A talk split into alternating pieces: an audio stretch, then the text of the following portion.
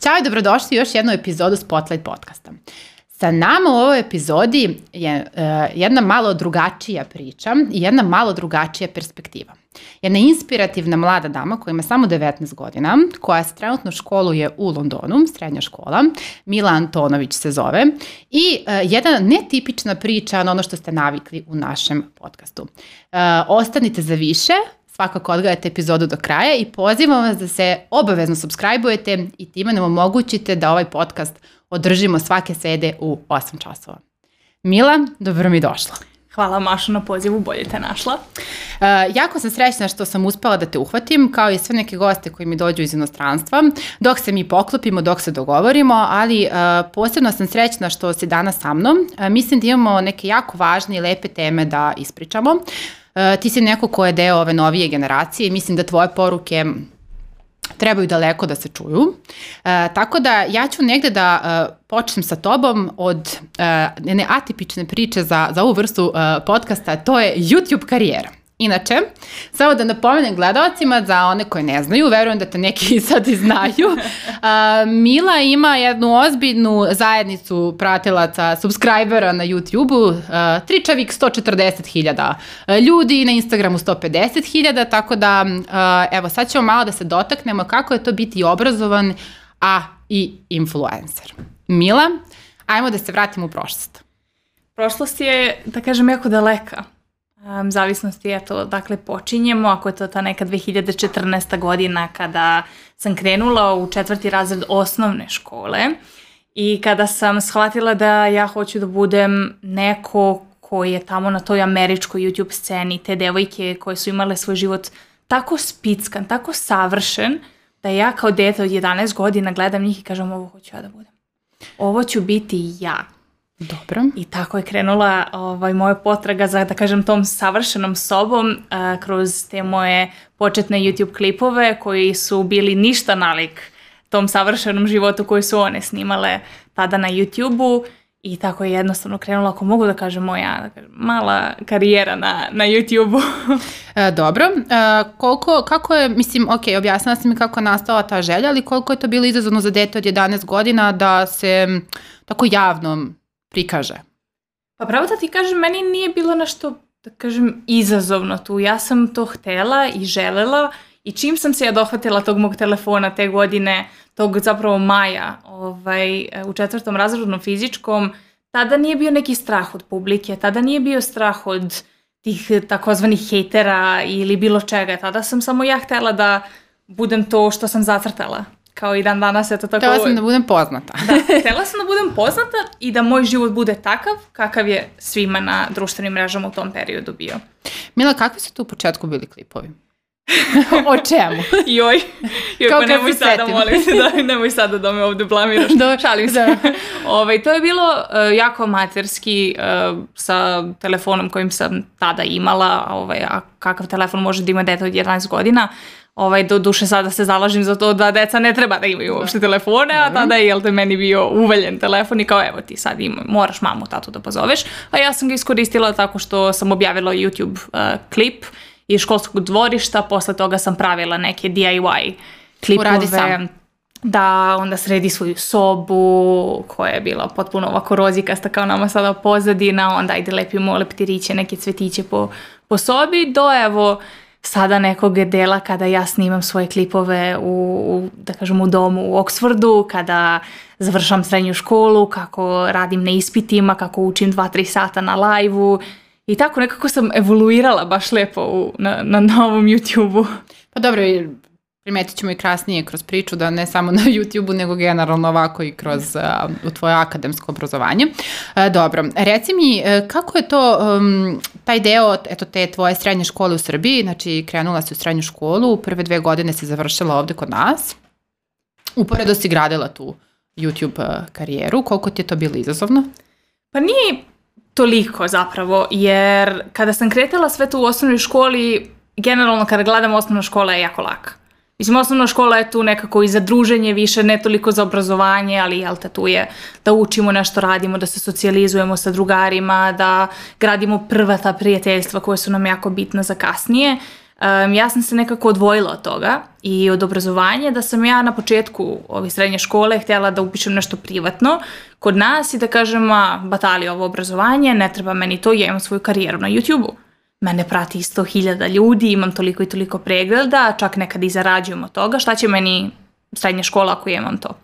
Sreću, moji roditelji su me uputili na tako neki, da kažem, izgleda bolji put za mene. Jer naravno ne znam kakav bi mi život bio da sam ostala na, na tom putu samo YouTube-a, ali onda sam upisala 14. gimnaziju i ostala sam u 14. dve godine.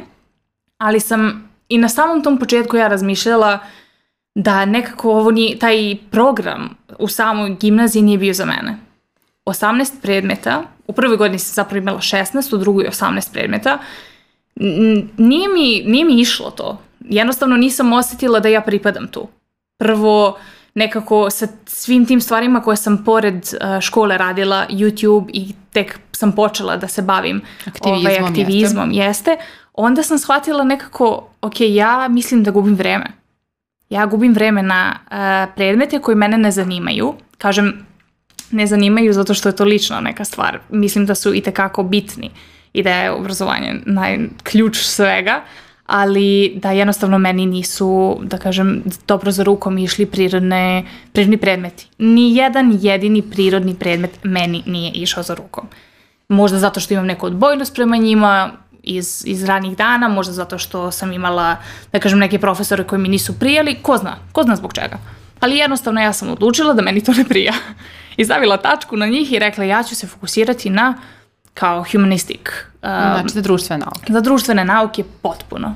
Dobro, i e, sad reci mi ti e, si uspela da na kraju odeš za Oxford u e, srednju školu tamo i sad e, kako je ta tranzicija bila, kako je uopšte došlo do toga, ti si dobili stipendiju, umanjenje, to je privatna e, srednja škola. Ko, ka, kako je to funkcionisalo? To je funkcionisalo eto iz toga da ja nisam mogla da izdržim tih 18 predmeta, posebno te prirodne nauke koje samo jednostavno nisam mogla da gledam i odlučila uh, da odem u Britaniju, u Oxford, um, iz razloga što je britanski uh, edukativni sistem, posebno u srednjoj školi, to je taj A-level, prvo GCSE pa A-level program, mnogo drugačiji nego naš uh, obrazovni sistem ovde kao srednja škola, gde sam ja mogla da izaberem tri predmeta i mogu da biram između dva, jedan, nebitno, koliko god. Fakulteti generalno primaju uh, studente koji imaju tri ili više predmeta, ali tri je nekako onako broj koji svi, to je većina đaka uzima kao A-level i tada sam odlučila da ću da uzmem psihologiju, sociologiju i politiku, gde ću ih učiti što sam ja govorila stalno u dlaku, kao mm. svaku dlaku na kosi u dve godine i polagati ispite na kraju i posle toga prelasiti na fakultet. Dobro, ti si zapravo to i uspela završavaš, primio te je i Bristol i Manchester i sad treba to da se negde finalizuje, tvoja odluka te ćeš dalje na studije, ali da malo da se vratimo još tog perioda srednje škole, razlike između tog, baš što si rekla, našeg obrazovnog sistema ovde iz perspektive mi stalno ovde imamo studente, pa te doktorande, pa mastera, master studente, sad iz perspektive srednjoškolca, koja je razlika? Um, kako misliš, da li je razlika između srednjih škola ovde i Kako tamo? funkcioniše tamo ispitivanje, jedan prosječan dan tamo, imate li domaće zadatke, kako vas ocenjuju, šta im je bitno, da li gledaju, da li vas forsiraju da pored toga što ste samo učenici i radite nešto za ocenu, da li vi imate prilike da budete još nešto, neki volonteri ili eto, te neke stvari. Što se tiče A-level programa, koji to je advanced level program, um, ni u jednom trenutku mene niko nije forsirao da bilo šta radim. Da, škola je bila uvek tu da me podrži, da me pogura ukoliko mi treba pomoć, ali niko meni nije rekao ti moraš da radiš ovo, ti moraš da radiš domaći, ti moraš da sediš svaki dan i da učiš, nego to je bilo tvoj život, ti radiš šta hoćeš, ali pazi ovako, imaš dve godine ovde, dve godine je zapravo jako kratak period za sve stvari koje učiš i kao polažeš sam ispite. I 100% toga što uradiš na ispitu ti je ocena. Znači nema domaći, nema prisustvo, nema aktivnost na času, 100% ti nosi ispit. Mm -hmm. Ti ako ne uradiš taj ispit dobro, ti možda nećeš ići na dobar fakultet, to jest na fakultet koji si ti izabrao. Tako da, um, da, aktivnost na času je jako bitna, s tim da, nas, s tim da je, jel te, prvo škola privatna i znači da ima mnogo manje đaka, aktivnost je jako poželjna, ne zato što profesori traže to, nego zato što će nama to dopriniti onako za, za stvari koje pamtimo, za neko kritičko razmišljanje. Niko tebe neće pitati je daj mi definiciju, ne znam šta znači kultura, nego će mi reći dobro kako dolazimo do toga i toga, hajde razmišljajte, a to mene ovde niko nije naučio. Ja nisam znala šta znači kritičko razmišljanje dok nisam sedela tamo na sociologiji, toga se sećam i jako sam zahvalna profesoru koji je mene naučio da tako razmišljam, jer sam sedela u klupi sa još tri drugarice i gledala sam ga i nisam mogla da shvatim što on mene pita. Jer sam ja rekla ovo je nešto ono, pitanje neko hoće sad da me spusti da ne znam, a zapravo hoće samo da me pogura da razmislim. Da. Da nema e, jedne definicije za sve. Jer ovde kada napišem jednu definiciju, profesor kaže pa ovo ti nije tačno, kao nije definicija koju knjizi. Zašto? Nepotrebna mi je definicija iz knjige, nego ukoliko ja nešto dodam na tu rečenicu ili nešto isto je. E, to je tamo, da kažem, jako bitno i jako se to forsira. Dobro, e, sad ću da ukombinujem um, taj tvoj YouTube i taj, ajde, akademski razvoj, još uvek, ajde, srednja škola i to, ali uh, koliko je, su, kako je to funkcionisalo sa tvojim vršnjacima? U smislu u Srbiji, u Engleskoj, da li nismo napomenuli YouTube kanal na engleskom ili na srpskom? YouTube kanal je na srpskom, uh mhm. -huh. ali mislim da znam e, šta hoćeš da me pitaš, kako su možda moji drugari reagovali na to. Dakle, možda u početku kao, ok, ti tek si krenula, možda to niko nije shvatao ozbiljno, sigurno je bilo kao, ma šta, kao neće ti to možda ni uspeti, šta se tu kao snimaš ili ostalo, ali onda kad je zaživelo, šta, šta se dešavalo sa vršnjacima? Bilo je svega. I na početku, i na sredini, i sada ovde gde sam, Mnogi su govorili, ma šta će ti to, blamiraš se, nemaš pojma šta radiš. Neko je rekao, ajde samo napred, posebno roditelji, ako je to možda njima bilo smešno. I ja sada kada gledam na stare klipove, meni je jako smešno i čak ponekad me bude blam, ali kao, bila sam dete, nisam znala šta radim.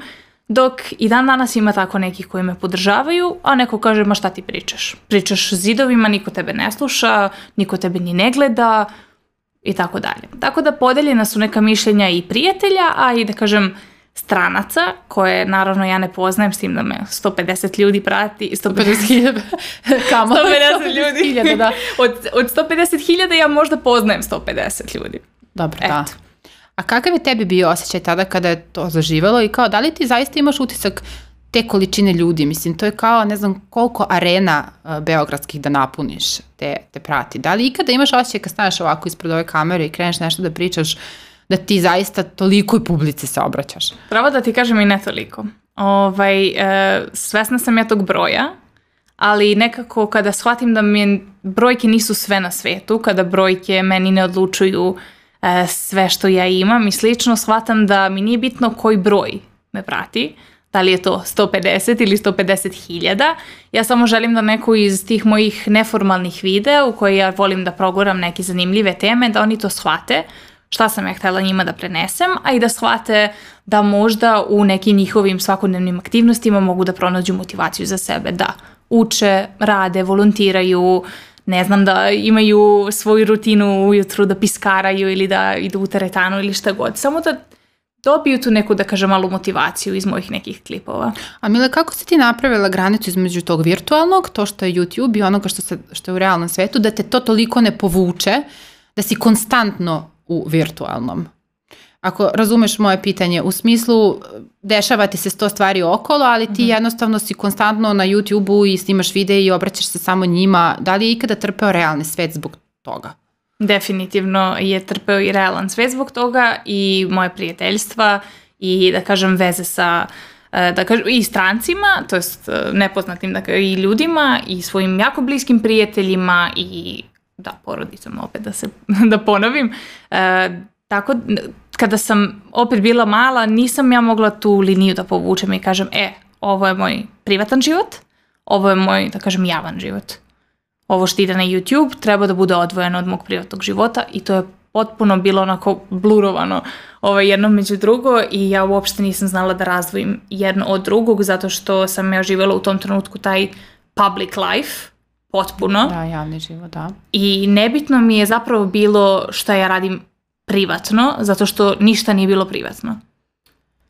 I onda sam na teži način morala da, da naučim zapravo šta je ta, gdje mi je ta linija, gdje ja postavljam te granice između šta postavljam na društvene mreže i šta je moj privatan život.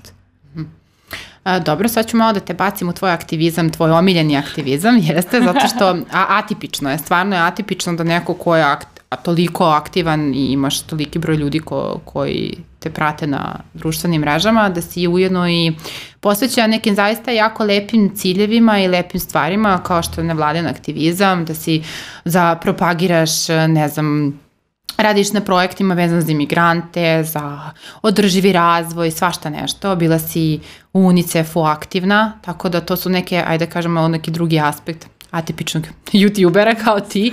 Pa ajde malo nam ispričaj kako je krenula ljubav prema aktivizmu, prvi susret sa tim projektima i šta si sve ti tu uradila? Mislim da sam tu neku motivaciju dobijela iz porodice.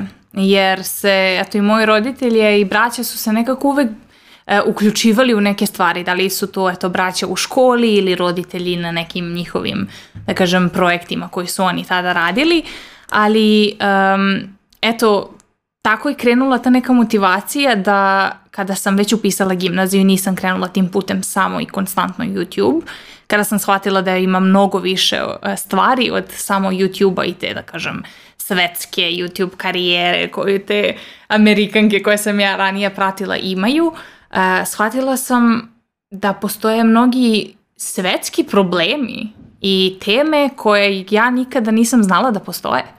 Zato što prvo bila sam jako mlada i to se u osnovnoj i srednjoj školi uopšte e, profesori i sam, e, kako se to kaže, kao curriculum, školski... E, pa kurikulum, bukvalno... E, evo sad i ja ne znam. Učenje, znači šta se u školama uči. Model koji po kom funkcionišu, dobro. model po kom funkcioniše obrazovanje nije napravljen tako da nas uči o tim svim stvarima. Da, ja sam znala šta znači emigrant, migrant i imigrant, zato što mi tako piše u definiciji u knjizi iz geografije, ali ja nisam znala zašto eh, je neko emigrant, a zašto je neko migrant. Mhm. Koje su razlike? Koje su kasnije razlike između izbjeglice i migranta? Koje su razlike? Šta znači da neko eh, aplicira za azil? Mene to niko u školi nije učio. Onda sam ja morala sama da izađem iz tog formalnog obrazovanja u to neformalno obrazovanje koje, kao što si ti rekla, propagiram, e, koje je isto jako bitno, isto koliko je formalno, toliko i neformalno. Znači, uključivanje u organizacije bilo koje, da li su to međunarodne ili lokalne e, nevladine organizacije, su meni jako pomogle da e, modelujem tu sliku sveta koju mene niko, koju meni niko nije pokazao u, u osnovnoj školi i srednjoj školi kod nas.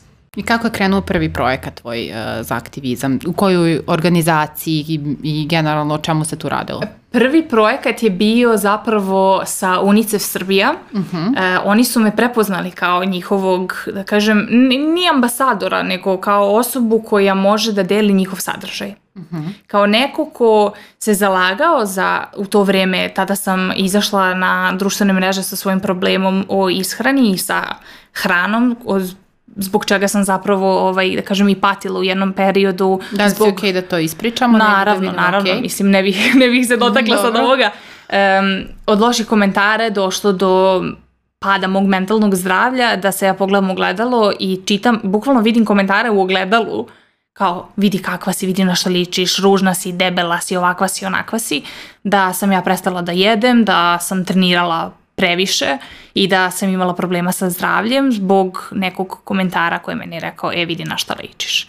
I kada sam izašla sa tim i kada sam počela da se zalažem malo za mentalno zdravlje i koliko je ono zapravo bitno, em za mlade ljude, a i naravno za sve, tada eto mi se UNICEF Srbija javio i tada sam, sećam se da sam sedela u sobi, bukvalno sam onako skiknula kao, kao UNICEF se meni javio, kao o čemu se radi.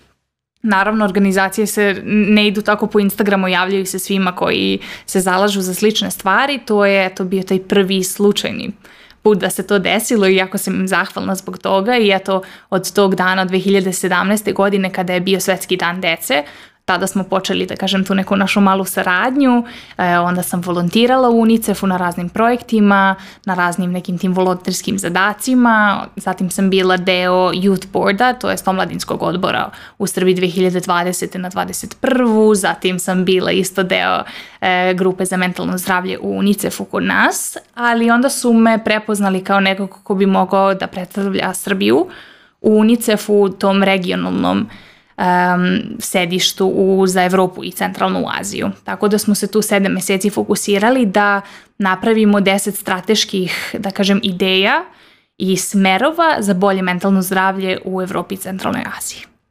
Eto, pre, prelepo, stvarno pre, prelepo i neverovatno i svaka ti čast i prvo što si se izborila, to nije lako, social bullying i nasilje na internetu i tekako prisutno. I mislim da je značajno što sada sediš ovdje i pričaš o tome tako otvoreno i hvala ti, mislim da dosta dece i mladih koji ovo slušam, tvojih godina, da će značiti, neko se možda upravo suočava, suočava sa istim stvarima, e, tako da e, to je stvarno za tvoje godine veliki iskorak, i velika stvar što si uradila, to ako, ako ti fali malo još podrške u leđa, evo da dobiješ Hvala i tako ti. javno. A, reci mi taj, um, to, ti projekti za mlade, kako se dolazi do toga? Danas kada bi neki srednjoškolac, eto, ne veličine, tako kao ti u smislu ti si imala tu platformu preko koje si mogla da komuniciraš sa tolikim brojem ljudi, neko je to ipak primetio da tvoj glas tamo negde može da dobaci do zaista velikog broja mladih. Šta neko ko nema to iza sebe, takvu jednu mrežu, može da uradi da bi ga možda UNICEF primetio ili da, da se učlani ili da dobije neki projekat, da radi, nek preduzme neku inicijativu tog tipa? Pre svega mladi moraju da znaju da se njihov glas može čuti ukoliko oni hoće da, što ja kažem, progovore. Tako da to što sam ja imala i još uvijek imam svoju platformu koju pratim mnogo, mnogo ljudi, e, meni nekada daje taj boost da e, ja mogu da predstavljam e, neki broj mladih i da izađem, ne znam, na televiziju i da se zalažem za mentalno zdravlje svih mladih. Ja ne pričam samo o svom, da kažem, problemu ili slično, ja se zalažem za, za sve što mladi na našem, da kažem, regionalnom nivou a, imaju, da kažem, problema sa obrazovnim sistemom, sa zdravstvom, sa ovim ili onim. Ja hoću da njih predstavim da njihov glas prenesem zato što ako neko nema veliku platformu, e, mladi će eto misliti je moj glas niko neće da čuje, niko prvo i ni iz vladen možda ukoliko treba nešto se menja neće da čuje, a tek neko veći kao neke velike organizacije kao što su Ujedinjene nacije ili ne znam nija šta. Mladi moraju da znaju da se za projekte treba um, aplicirati. Znači za bilo kakav projekat neće mi bilo šta pasti s neba sad kao je dobit ću ja poziv da idem u Ujedinjene nacije, da idem da pomažem ovome ili onome, da se zalažem za to. Ne, to ne ide tako. I ako mnogi misle i kao što sam ja mislila da će mi projekti samo tako dolaziti zato što se meni UNICEF jednom javio tada 2017. godine, um, aktivno praćenje. Sad kad imamo te telefone stalno u rukama, možemo da pratimo na društvenim mrežama organizacije gde želimo da volontiramo, radimo, kasnije imamo e, internship, e, Prakse, praksu, da, da, jeste. Da. Znači, bitno je da pratimo šta oni postavljaju, zato što među tim svim postovima koje, obi, koje zapravo među svim objavama će biti i pozivi za volontiranje, za praksu, za otvorenu poziciju za nešto. I tako mladi apliciraju za sve. Tako sam i ja kasnije aplicirala da volontiram, ne znam, ovde sa izbeglicama, da volontiram, to je da budem deo projekta sa WWF-om za klimatske promene. Kako je to bilo iskustvo? Ispriča nam, pogotovo sa izbeglicama. Teško. E, volontirala sam u jednom, da kažem, centru kod nas u Beogradu, e, bukvalno educational hub za izbeglice, gde bilo ko može da dođe i da uči engleski, francuski, nemački i srpski. Ja mislim da su to jezici koji su se tada davali i nekako je meni bilo jako drago što eto ima, kada, kada me neko kaže izbjeglice, ja ranije nisam uopšte razmišljala šta je to, zato što kada god prošetam donjim e, Dorćolom ili nekim dobro, delovima, da, šta da, piše, da, da. ajmo da izbacimo sve izbeglice iz Srbije. Zašto? Zato što ljudi ne znaju ko su izbjeglice, odakle dolaze, šta se dešavalo i slično. Nama treba to obrazovanje da ne bih ja i bilo ko viđao te grafite po, po gradu. Tako da, e, i naporno je, iskreno, uh, jako je teško i kako da kažem, na kraju jako zadovoljavajuće zato što i, i zadovoljavajuće pre svega, a onda nekako shvatiš, dođem kući i shvatim koliko ja zapravo imam. Da ja ne moram da bežim od rata, da ja ne moram da uzmem samo jednu kesu i da idem negde, ali se to zalažem za, za to da se digne um, awareness, da se svest, digne svest da. mladih prvenstveno, zato što sve na mladima ostaje sada. I taj projekat na Mladima klima ostaje uh, sa WWF-om što sam radila prošle godine. Divna inicijativa da se uh, mladi edukuju klimatskim promenama. Jer opet se vraćamo na istu stvar. Mene niko nije naučio ništa o, o klimatskim promenama u formalnom obrazovanju, nego sam ja morala da imam treninge od strane WWF-a Srbija. A da kako meni... si uspela da dođeš do WWF-a? Je to isto nešto što su te oni kontaktirali? Ne. Ili, aha, okej. Okay. To je baš ovo što Dolazimo sam pričala. Dolazimo od toga, samo inicijativa. Okay. To je ono što sam pričala, znači treba mladi da kažu, ok, mene sad zanima šta? Klimatske promene, ljudska prava, ovo ili ono, ja hoću sad da pratim organizacije koje se time bave. Onda WWF tako na Instagramu postavi, e, ljudi, čao, klinci, mislim klinci, kako ja to volim da. da kažem, 15 do 20 godina, 25 generalno bude, e, aplicirajte za ovu inicijativu, za ovaj projekat, hajde da se družimo, treninzi, ne znam, 5 dana nedeljno slušamo o klimatskim promenama, raznim predavačima, zašto je dolazi do toga, kako možemo i pravimo svoju inicijativu.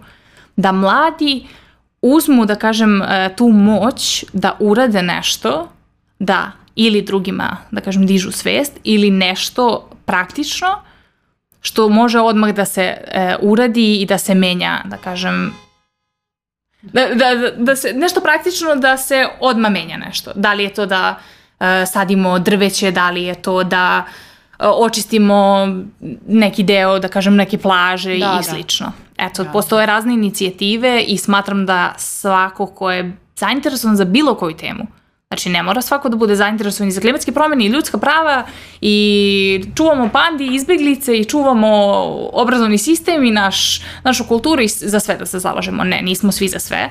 Kao što, eto, nisam ni ja za, za prirodne nauke, da, da, da. ni za matematiku i fiziku, ali se zalažem za neke te političke i sociološke stvari koje mene zanimaju. Tako da mladi treba, ako ih nešto zanima, da prate organizacije, da pratite neke projekte koji se da kažem, zahuktavaju, da onda apliciraju. A za aplikaciju, kao i za sam fakultet, treba jako, da kažem, motivacijono pismo, nekada treba i CV, nekada treba da se odgovaraju na neka pitanja kao zašto baš ti da budeš selektovan za, za ovu inicijativu, za ovaj projekat. I samo mladi trebaju da imaju tu motivaciju i veru u sebe da će biti prihvaćeni na tako nešto, jer I ja sama kada sam aplicirala WWF, to je svetska organizacija, kako će oni mene da prihvate, što sam jedino radila za, za klimatske promene, držala sam TED Talk. To je to. To je jedino moje znanje za, za klimatske promene bilo i eto, uspela sam da... Dobro, ne bih nazvala baš jedino. ne znam baš puno ljudi tvojih godina da držao TED Talk na temu klimatskih promena, ali okej, okay, dobro. Ali opet, svako može da aplicira da drži TED Talk. Da. Samo TED, www. Dobro, često TED. mislim da mladi sumnjaju u sebe i koliko uopšte njihov glas može daleko da se čuje, da li uopšte je bitan.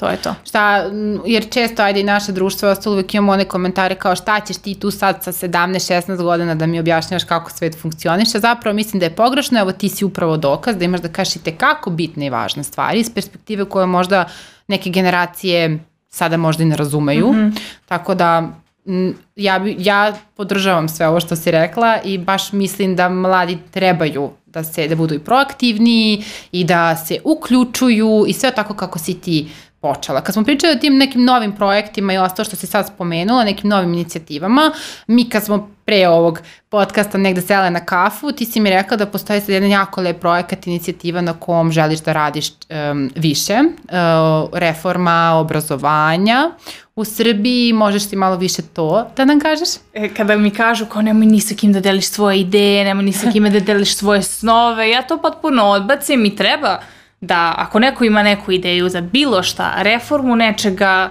ubacivanje nečega u bilo šta, u obrazovni sistem, u zdravstvo kod nas, u politiku, u ne politiku, bilo šta, treba da ispriča nekome i da se ta ideja proširi. Znači da ne budem jedina koja hoće da ubaci, ne znam, u edukativni sistem još jedan predmet ili da ubacim u edukativni sistem e, malo više um, Raznovik, raznovrsnost. Raznovrsnosti i da svako može da bira šta hoće. Možda ne da bira sve predmete, nego da izabere dva, tri predmeta pored, da kažemo, ovih glavnih koje se kod nas uče, zato što je malo nerealno i to moraju isto mladi da znaju. Ne možemo svi da menjamo svet odjednom. Ja prva hoću da promenim ovo ili ovo odjednom, da iskorinim sve, svu prošlost, sve ništa se toga nije desilo, sad ću ja da vam zacrtam kako će, pa to baš nije tako. Tako da od nekih malih promena, kao što su hajmo da damo mladima malo više e, izbora što se tiče njihovog obrazovanja ja bih verovatno ostala u Srbiji i ne bih otišla u Britaniju u Oxford da se školujem, da sam ja ovde mogla da izaberem da u prvoj ili drugoj godini biram sociologiju i psihologiju, da možda imam politiku kao čas, da možda imam, ne znam, da se više fokusiramo na neke praktičnije uh, stvari, a ne samo definicije, ovo ili ono. Tako da, taj neki, na primer, uh, zapravo reformu i promenu želim da donesem kod nas, tim eto kao neko ko je bio preko i ko će nastaviti da se školuje preko iz razloga što smatram da imam više e, prilika da biram stvari koje me zanimaju preko nego ovde. I to je eto neki moj cilj da kada se vratim, da li evo sada da krenem to preko leta da, da. razmišljam, hajde da vidimo ko bi me podržao da li ima neko iz stvarno politike i vlade ko bi me podržao ili će me podržavati organizacije mladi, da ajde da čujemo šta svi mladi hoće. To ja možda hoću. Ali hajde da idemo u gimnaziju jednu pa da pitamo mlade šta hoće. Da li veruješ, e, kad smo kod toga, mm, eto ti koji imaš obe perspektive, neko ko je i obrazovan, a iz druge strane i nešto ovo moderno u smislu influencer, uh, da li misliš da mladi sada misle da se do do te zarade lako dolazi i da formalno obrazovanje više uopšte ne znači ništa. Zašto ja da idem u 14. gimnaziju, da meni tu sad neko nešto priča ili zašto ja uopšte idem tu neku Britaniju da nekome plaćam kad ja mogu na YouTube da sednem ovako lepo u kameru i da pričam po ceo dan, da me prati mnogo ljudi, da imamo kolaboracije plaćene i da budem super. Da li misliš da je to neko stanovište tvoje generacije sada da, da odbacimo obrazovanje? Nikako ne možemo da generalizujemo da li je to cela moja generacija ili da li je to sad ovih, ne znam, ko je rođeno 2003. evo kao ja do ne znam ja. Ja mislim da ima svakoga ko misli da može i svaka čast ako neko uspe stvarno, jer nije lako. Znam iz ličnog iskustva i znam iz uh, ostalih prijateljstva koje imam eto sa svog YouTube-a, ali smatram da možda to nije za svakoga da neko mora da izabere jednostavno put obrazovanja pre YouTube-a i snimanja e, zbog toga što jednostavno to njemu ne paše. To nije to. Nekom ide i svaka čast. Ne ispunjava ga, da. Ili ga ne ispunjava ili samo ne ide u smislu e, nije svako ni za kameru što se Dobre, kaže. Jeste. E, možemo da gledamo i današnje, ne znam, novinare i youtubere kao i samo nije to to. Znaš, nemaš, ne uživaš dok ga gledaš da li ima Energiju, ne, da. da, energija ti treba za YouTube. Meni, ako neko nema energiju, ja ga na YouTube neću gledati. Može da priča o čemu hoće. Da priča o ovim meni najbitnijim temama, ja ne mogu da pratim to. Kao ni profesor u školi, ako mi je neko ovako priča nešto, da ja ne mogu da slušam. A verujem da. da nisam ni jedina. Da, dobro.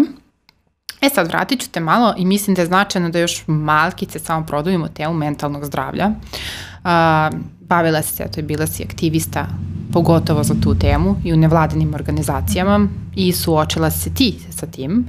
Kako se Mila ograditi od jako ružnih komentara?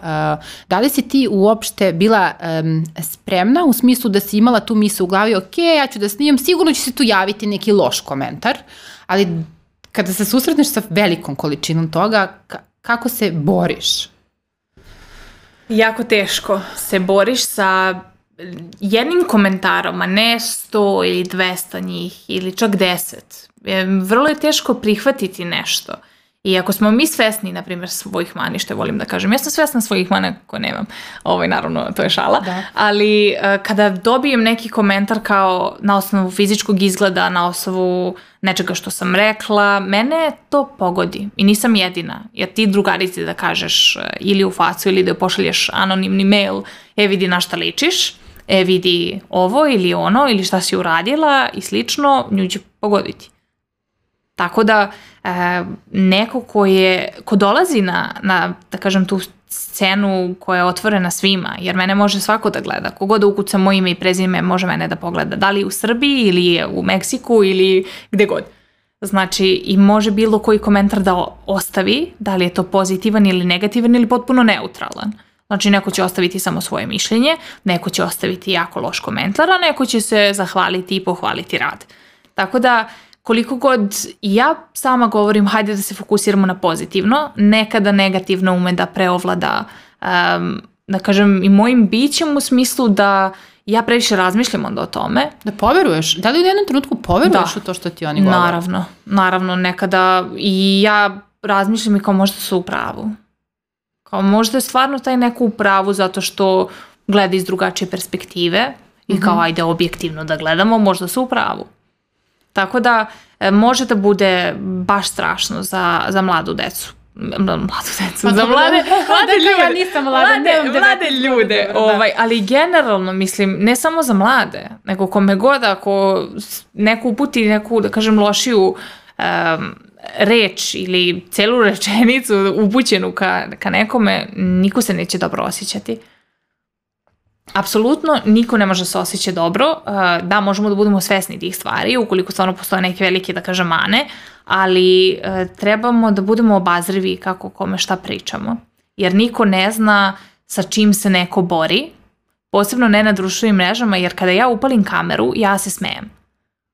A možda sam pre sat vremena plakala. Ja kada se fotografišem za Instagram, neću se fotografisati kako plačem i govorim, e, ljudi, ne znam, uh, momak mi se nije javio sat vremena, uplašila sam se, ja plačem.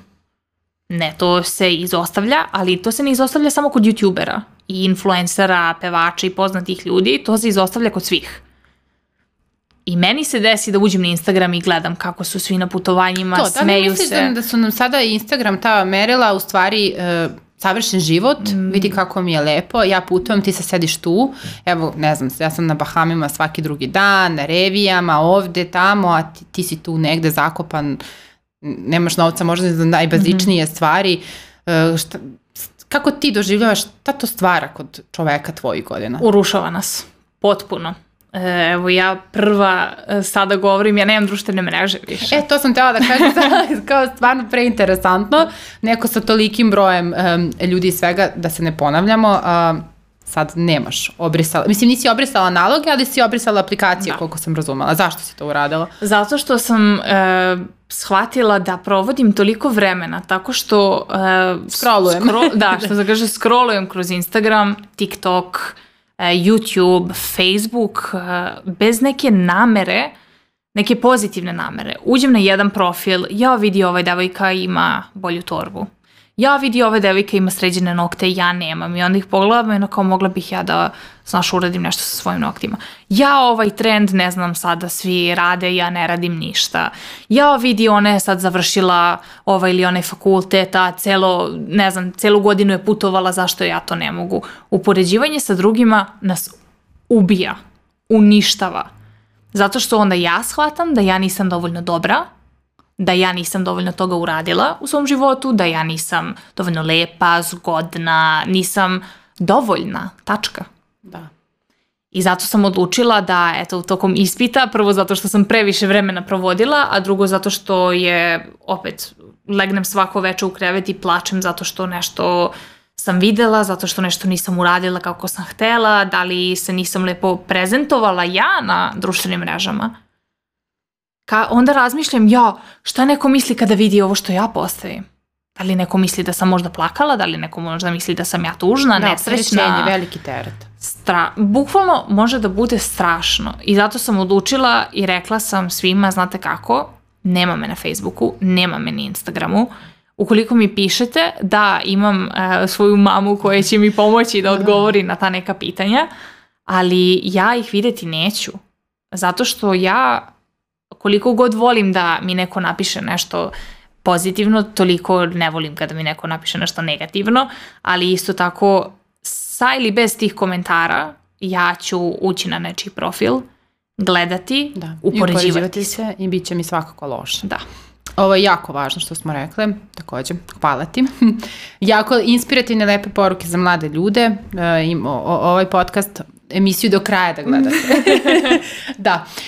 Um, čega još sam tela da se dotaknem? Pa imamo mi mnogo tema, možemo mi ovako do sutra.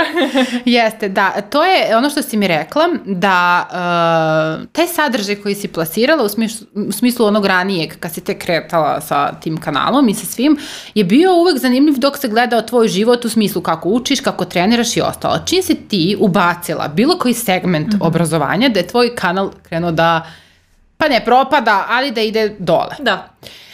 To mi je interesantno. Da li zaista je, to je ono što, i ne, ne se dovezao kroz na prethodna pitanja, to formalno obrazovanje, to, je, je li moguće da, da, da ljude zaista samo interesuje kako si ofarbala nokte, uredila kosu ili bilo šta slično, a da kad jednom trenutka prikažeš univerzitet ili srednju školu ili kreneš da pričaš o održivom razvoju, tvoj kanal kreće da ide nizbrdo.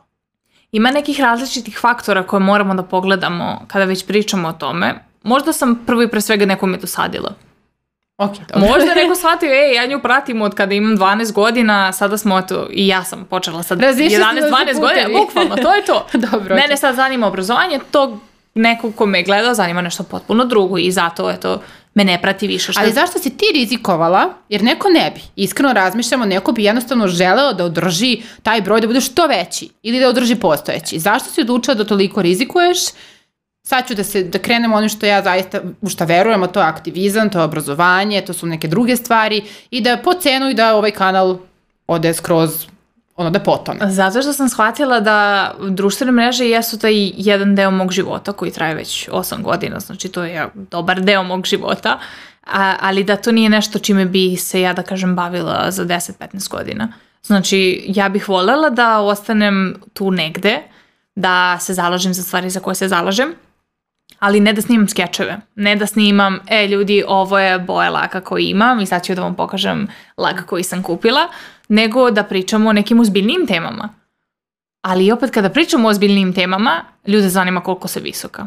Koja mi je omiljena boja. Dobro, okay. I tako su neka pitanja koje se uhvatim za glavu i kažem, da li me Da li mi zezate? Zezate. da, da. Znači, da, da li me zezate da ja sada pričam, ne znam, o klimatskim promenama, da pričam da ću da idem u Tursku da volontiram i da učim decu u engleski, a mene neko pita koliko sam visoka.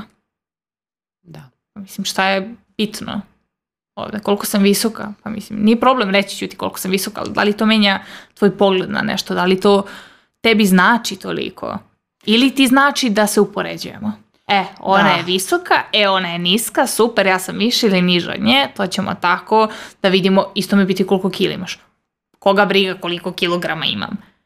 Ali možda nekoga zanima čisto da bi se upoređivali. Jer ja znam da sam pratila neke youtubere i kada oni odgovore, e, znate imam toliko kilograma, toliko sam visoka, onda se ja uhvatim za glavu i kažem, ja sam isto toliko visoka, ali imam 10-15 kila više. Znači, ja nisam da. dovoljno dobra, zato što da. ta neka druga devojka ima manji kilo od mene, na primjer. A da li ikada uticala sad, ok, ogolila si, krenula si, imala si, stavila si svoj život javno i uh, krenula, krenula si da pričaš o nekim tako, eto, drugačijim stvarima. Da li si ikada pomislila, ok, ovo nije interesantno, ću da odustanem da batalim sve. Da li si ikada požela da batališ sve, jednostavno da pustiš i kao da ti više jednostavno nije stalo do svega što si tu izgradila i da ćeš više da se uključiš u ovaj deo ovde aktivizam, obrazovanja, YouTube, eto tako neka stoji. E, da sam htjela da odustanem, da li ne iz tog razloga, nego zbog sve te, taj pressure koji sam imala, Pritiska, da. pritisak od um, ljudi koji su me pratili i nekada organizacije, to jest, um, da kažem, biznisa sa kojima sam radila. I nekako su me nekada oni pritiskali da sam ja rekla, ja ovo stvarno ne mogu. Da, kako to funkcioniše? Sigurno ih zanima. Kolaboracije. I sad e. kao, prije dan si radila za Pepsi, ne znam, neke još brendove si mi spomenula, slobodno ti sad reci, ja sad onako... Pa mislim, te neke brendove, kao bila sam ambasador Mirinde, ovaj, koji je deo kompanije Pepsi i to mi je bio, da kažem, jedan prvi ozbiljniji posao koji sam imala.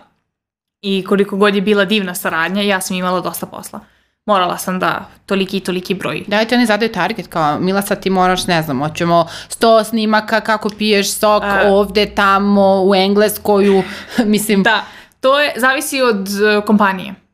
Znači, meni je stvarno sreću da sam od uvijek sarađivala sa ljudima koji, i ljudima i kompanijama koji su meni prijele i onako da nisam osjećala toliki pritisak, pritisak da. od, od njih. Nekada će kompanije reći, Emila, od tebe tražimo da postaviš pet ovoga, deset ovoga, 15 ovoga, lupam 15 storija, pet videa mesečno i tako dalje, dok će neko reći, ok, mi tebi možda damo ovoliku sumu novca, uh mhm. -huh. šta ti možda uradiš sa tim? I onda ja objektivno pogledam i kažem, e, znate, ja mogu da uradim to, to i to. I onda oni mogu da kažu važi ili mogu da kažu, znate, nećemo da sarađujemo s tobom i to je to. Tako da te neke saradnje mogu da budu jako komplikovane nekada. U smislu snimim video, pošaljem ga na odobrenje i onda kažu ne, ajde promenim to. Onda ja opet snimam, moram isto da se mhm. obučem, moram isto da isti da kažem taj setting da napravim, moram Ako da, god mi misli da je taj svet površan i da je to zaista lako uzeti kameru, sesti i pričati, um, hoću da okrenem i na neku drugu stranu. Mislim, istakli smo dosta negativnih stvari koje mogu da budu, ali mogu da budu i pozitivne. U smislu, naučiš jednu veštinu, kao što je da. video editing. Um, ta video montaža, jedna od baš da. bitnih da. veština, sve se svelo na taj video format.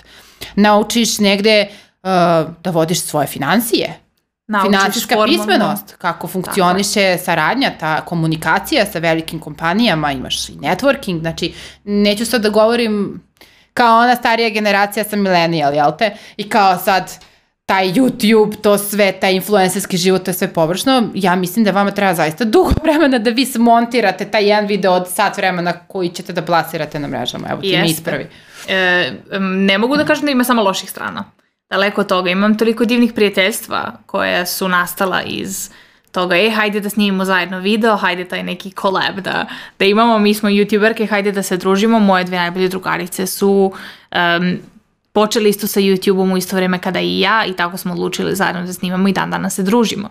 Dan danas pričamo o različitim stvarima i to nije površno uopšte. Dok sa druge strane, naravno, imala sam jako površna prijateljstva, ovaj, ali isto tako, što si ti rekla, eh, videografija, ti neki editing uh, stvari, da li su to klipovi, fotografije. Ti sama edituješ svoje videe i pravi. Koliko ti je trebalo vremena da naučiš kako to sve, i šta zapravo funkcioniše, u stvari šta, na šta će da kliknu da im bude zanimljivo, jer znaš neko ga edituje, ali nema baš da. neki smisao. Pa... Meni to nikad nije bilo bitno koliko će ljudi da mi uh, klikne na video, koliko će dugo ostati tu, nego mi je jednostavno bitno bilo da ja to u što kraćem periodu sve to završim, da uradim, redovna. snimim, da. tako je, budem redovna, radim ostale zadatke koje imam, škola, sport, ovo ono, i da jednostavno budem uh, tu takva kakva jesam.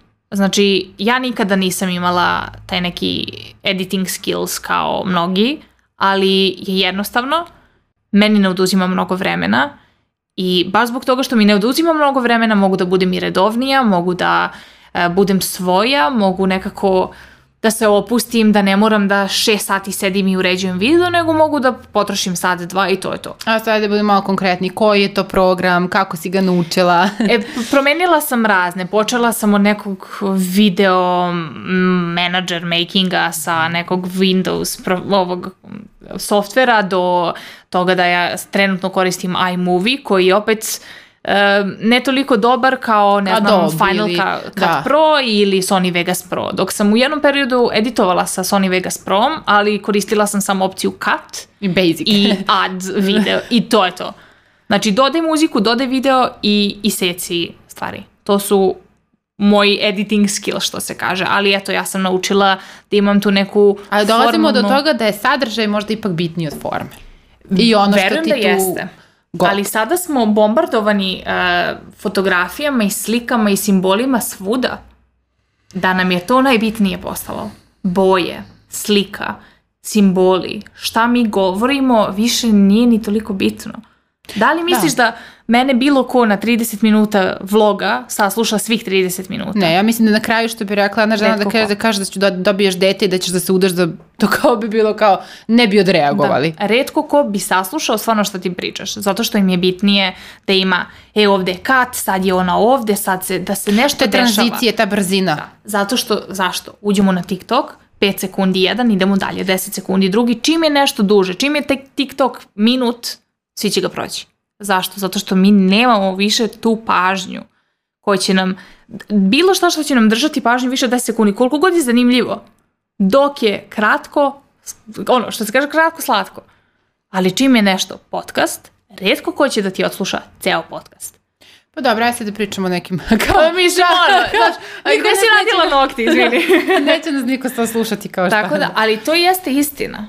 Ako mladi, uh, ako mladima vreme samo, e, sad ću vidim šta je ko postavio, da mislimo da gubimo ako nemamo društvene mreže.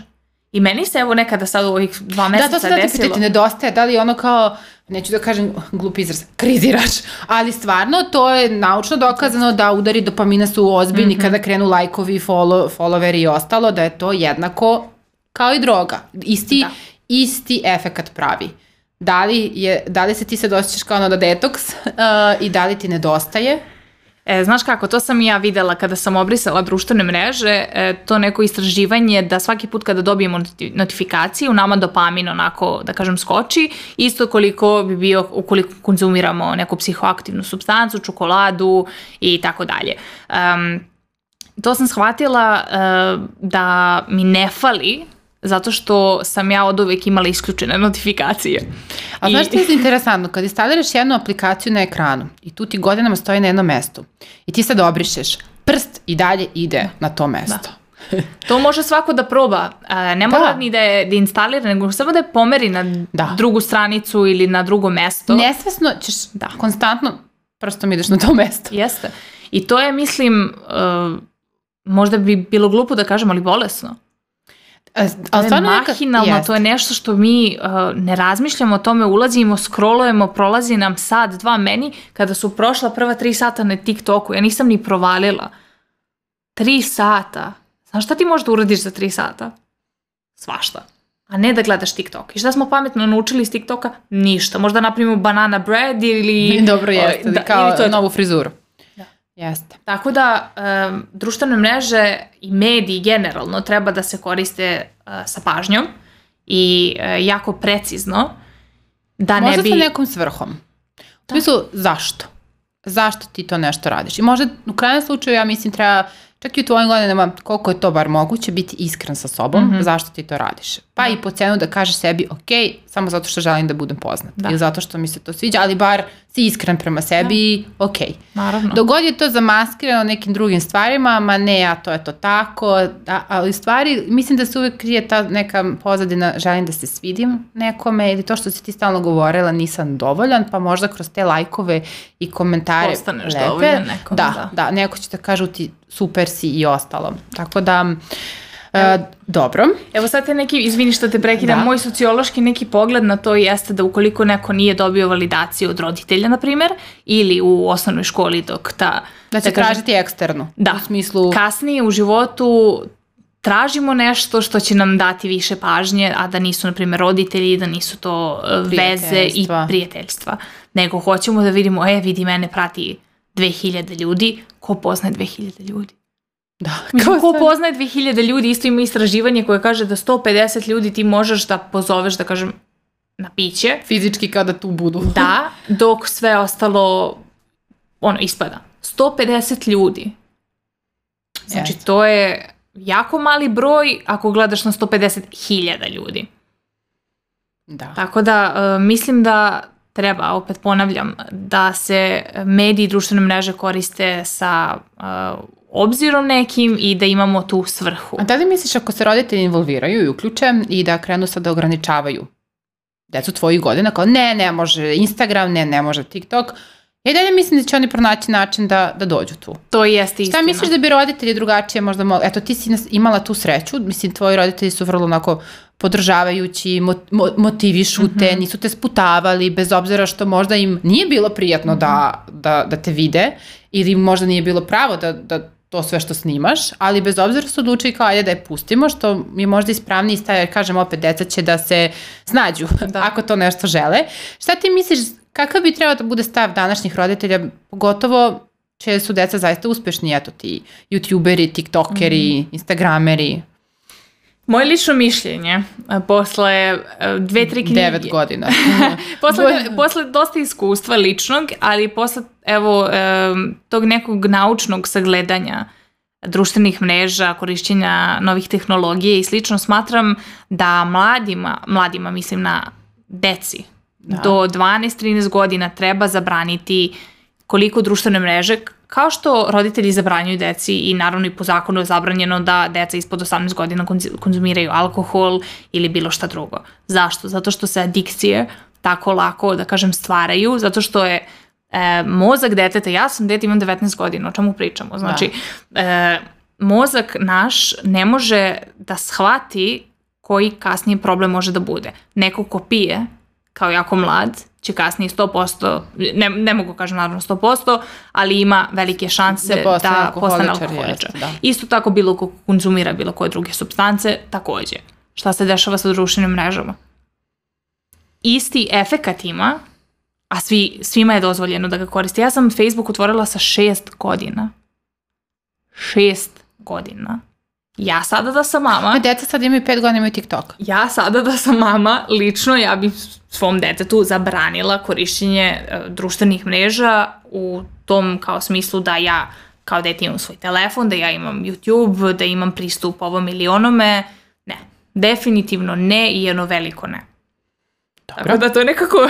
Dobro je kad neko malo... iz tog iskustva, zaista imaš realno iskustvo. Neko će da pogleda ovo i kaže, pa šta priča, on ima ono, YouTube od svoje to 11. godine i ona sad, sad govori ne može. Sad kao ona tu meni pametuje. Tako, ali Mislim da, opet ne mogu da kažem šta bi bilo kad bi bilo, ali da bi mi život bio drugačiji bez društvenih mreža, da. I da mi je sad život ovih, ova dva meseca drugačiji jeste ne drastično, nije se okrenuo za 180, uh -huh. ali uživam u malim stvarima.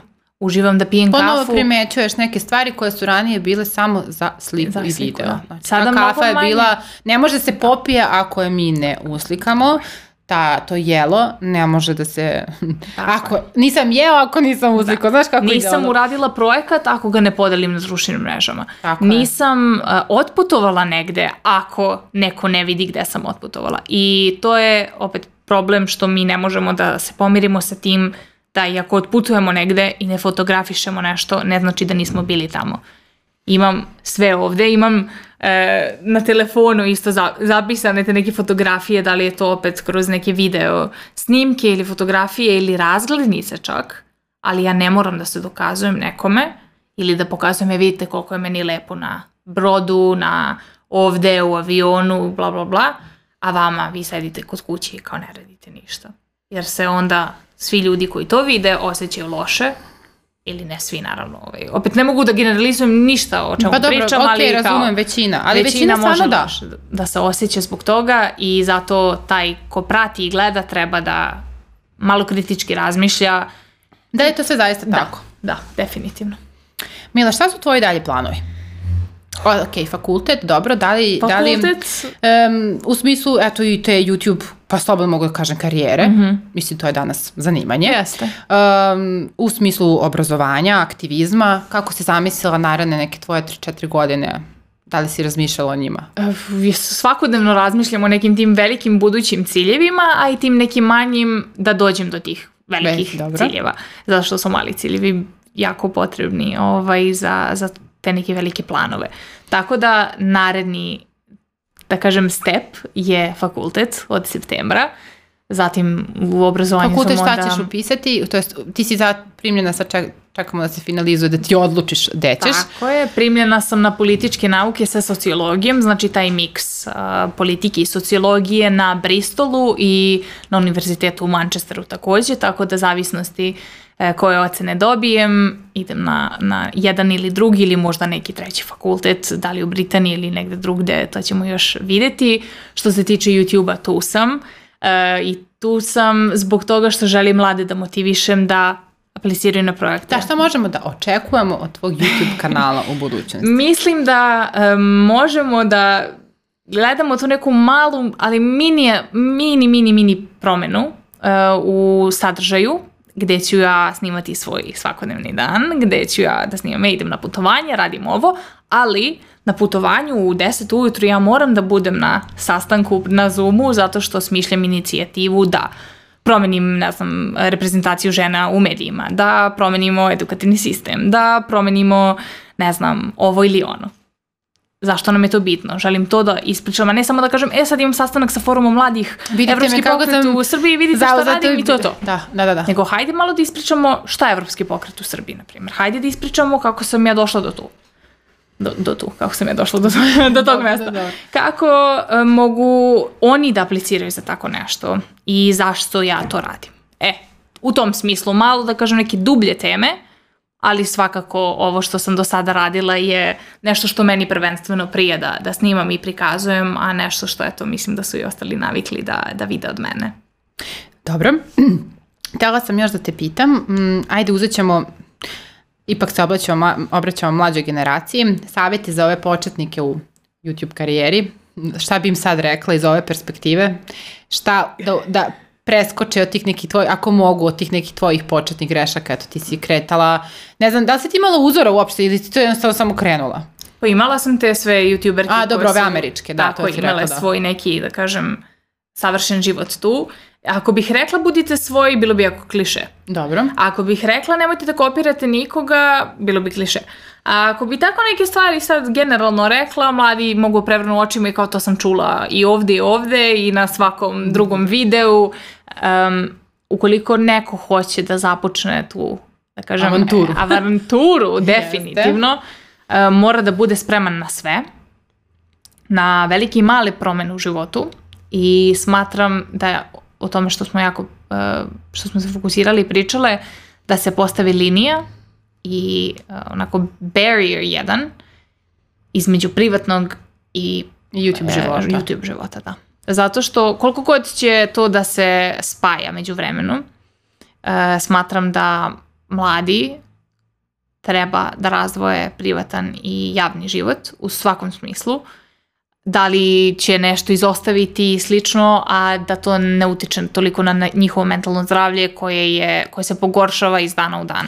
To je ono što sam izostavila, eto pre nego što završimo i privodimo kraju ovu emisiju, a to je da sam e, dosta puta pročitala u medijima da su ve, veliki te mladi youtuberi izvršili suicid. Mm -hmm. Znači, da imamo veliki broj samoubistava usled tog uh, pritiska. Da li misliš da se u Srbiji dovoljno govori o tome i da, da, da je dovoljno nešto urađeno da se to nekako reguliše. Kod nas se samo o tome priča kada se nešto strašno desi. Nikako da preventiva. Se, da, da se vide znaci da će to da se desi. Kod Mislim... nas nema preventive. Kod nas nema, e, hajde da se to ne desi. Nego kad se desi neki strašan, strašan događaj, bilo šta. Da li je to youtuberka, da li je to youtuber neki, da li je to, ne mora ni youtuber, ni youtuberka, glumac, glumica, nego dete. Ne, dobro, dete, okay. koje samo prati sve i svašta. Um, tek kada se taj događaj fatalan desi, tek tada se o tome govori. E, treba da to zamenimo i da to bude, hajde sve vreme da razgovaramo o tome.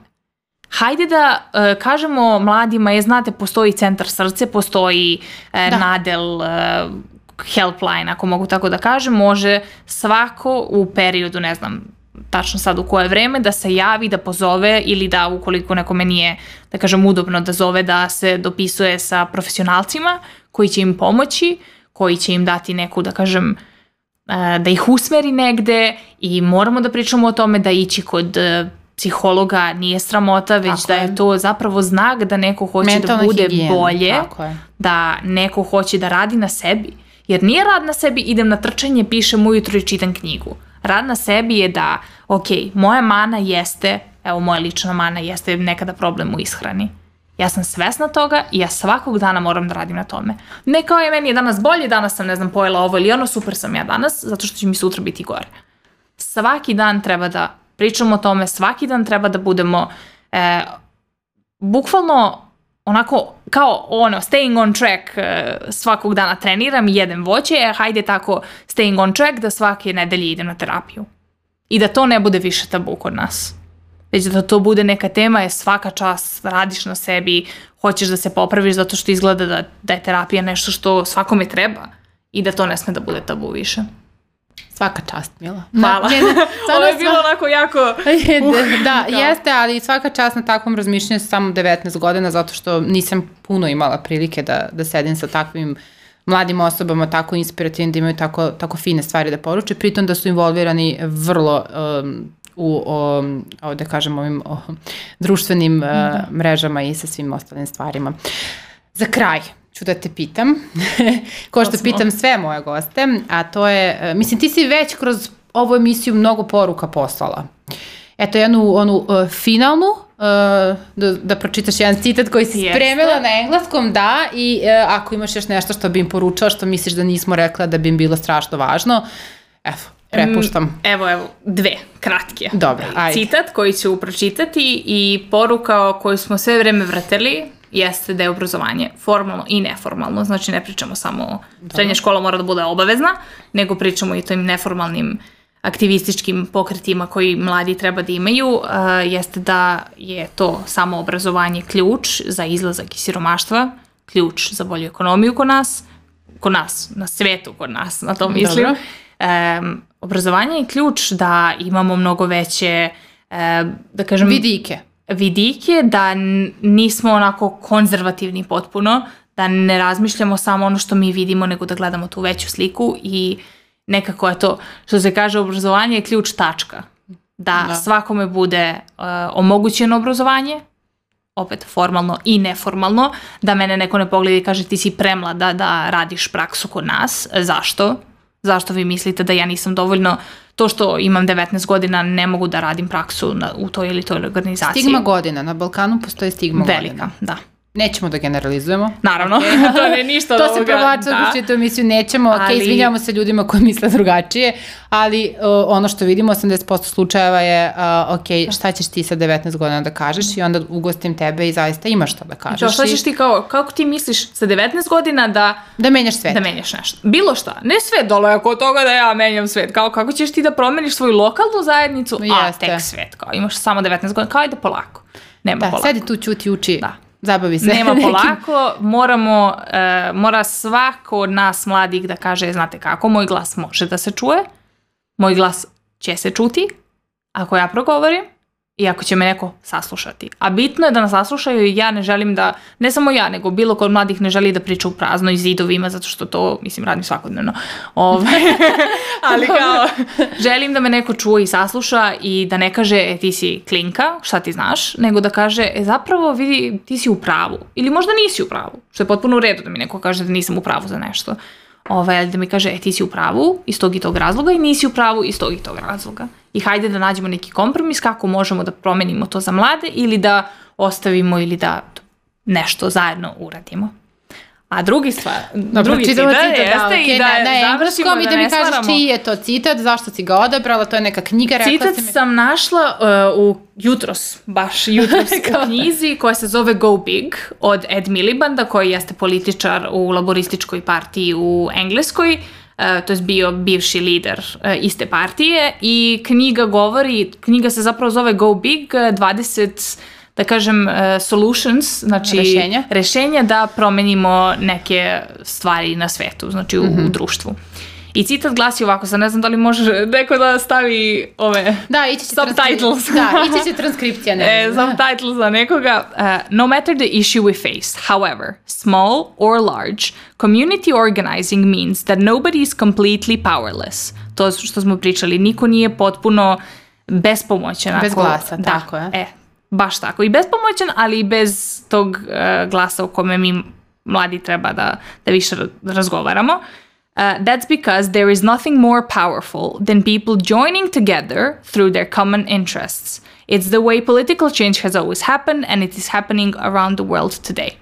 Znači, ukoliko se mi mladi ujedinimo zajedno i kažemo, je, znate, ovo hoćemo da menjamo, ovo hoće da ostane, ovo hoće ovako, da treba da nas saslušaju, ali da treba da budemo zajedno, da ne budem jedina koja će se zalaže za nešto, nego da me neko ko gleda sada ovo podrži, ili neko ko me prati podrži, ili bilo ko samo da kaže, e, vidiš, ona je u pravu, a ne mene da spušta ili bilo koga drugog zato što mogu da kažem nešto ili imam, da kažem, te snage ili imam prilike da, da iskažem svoje mišljenje, nego da budemo zajedno i da se borimo zajedno i da se zalažemo za nešto zajedno.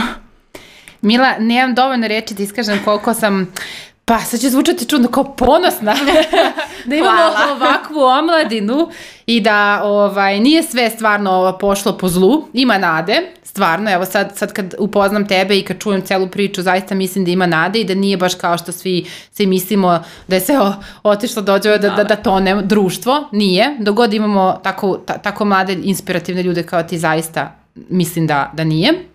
I želim da ti se zahvalim još jednom što si odlučila da gostuješ, uh, što si prvo jako brzo odgovorila na taj zahtev, znate, znaš kako mi imamo neko mišljenje kao manju prati 150.000 ljudi dok ona vidi tu poruku da će ona uopšte doći u ovaj podcast, kao zašto bi to bilo interesantno, a onda shvatiš da iza toga, iza tih brojki stoji jedna totalno drugačija, um, vrlo samosvesna i uh, vrlo, vrlo, vrlo, um, kako bi rekla, vizionar osoba mlada. E, gledaš, vidim, mislim da vidiš neke stvari drugačije nego većina tvoje, tvoje omladine i da tvoj glas nadam se da će daleko da se čuje. Ja ću ga svakako ispratiti. Hvala. Uh, ovo je bila samo prva, ovo je bila uvertira. Kao upoznate da. Milu sa 19, ja je čekam kad završi fakultet i kad uradi neke strava stvari, kad neke stvari možda i promeni u ovom društvu, što verujem da će se desiti.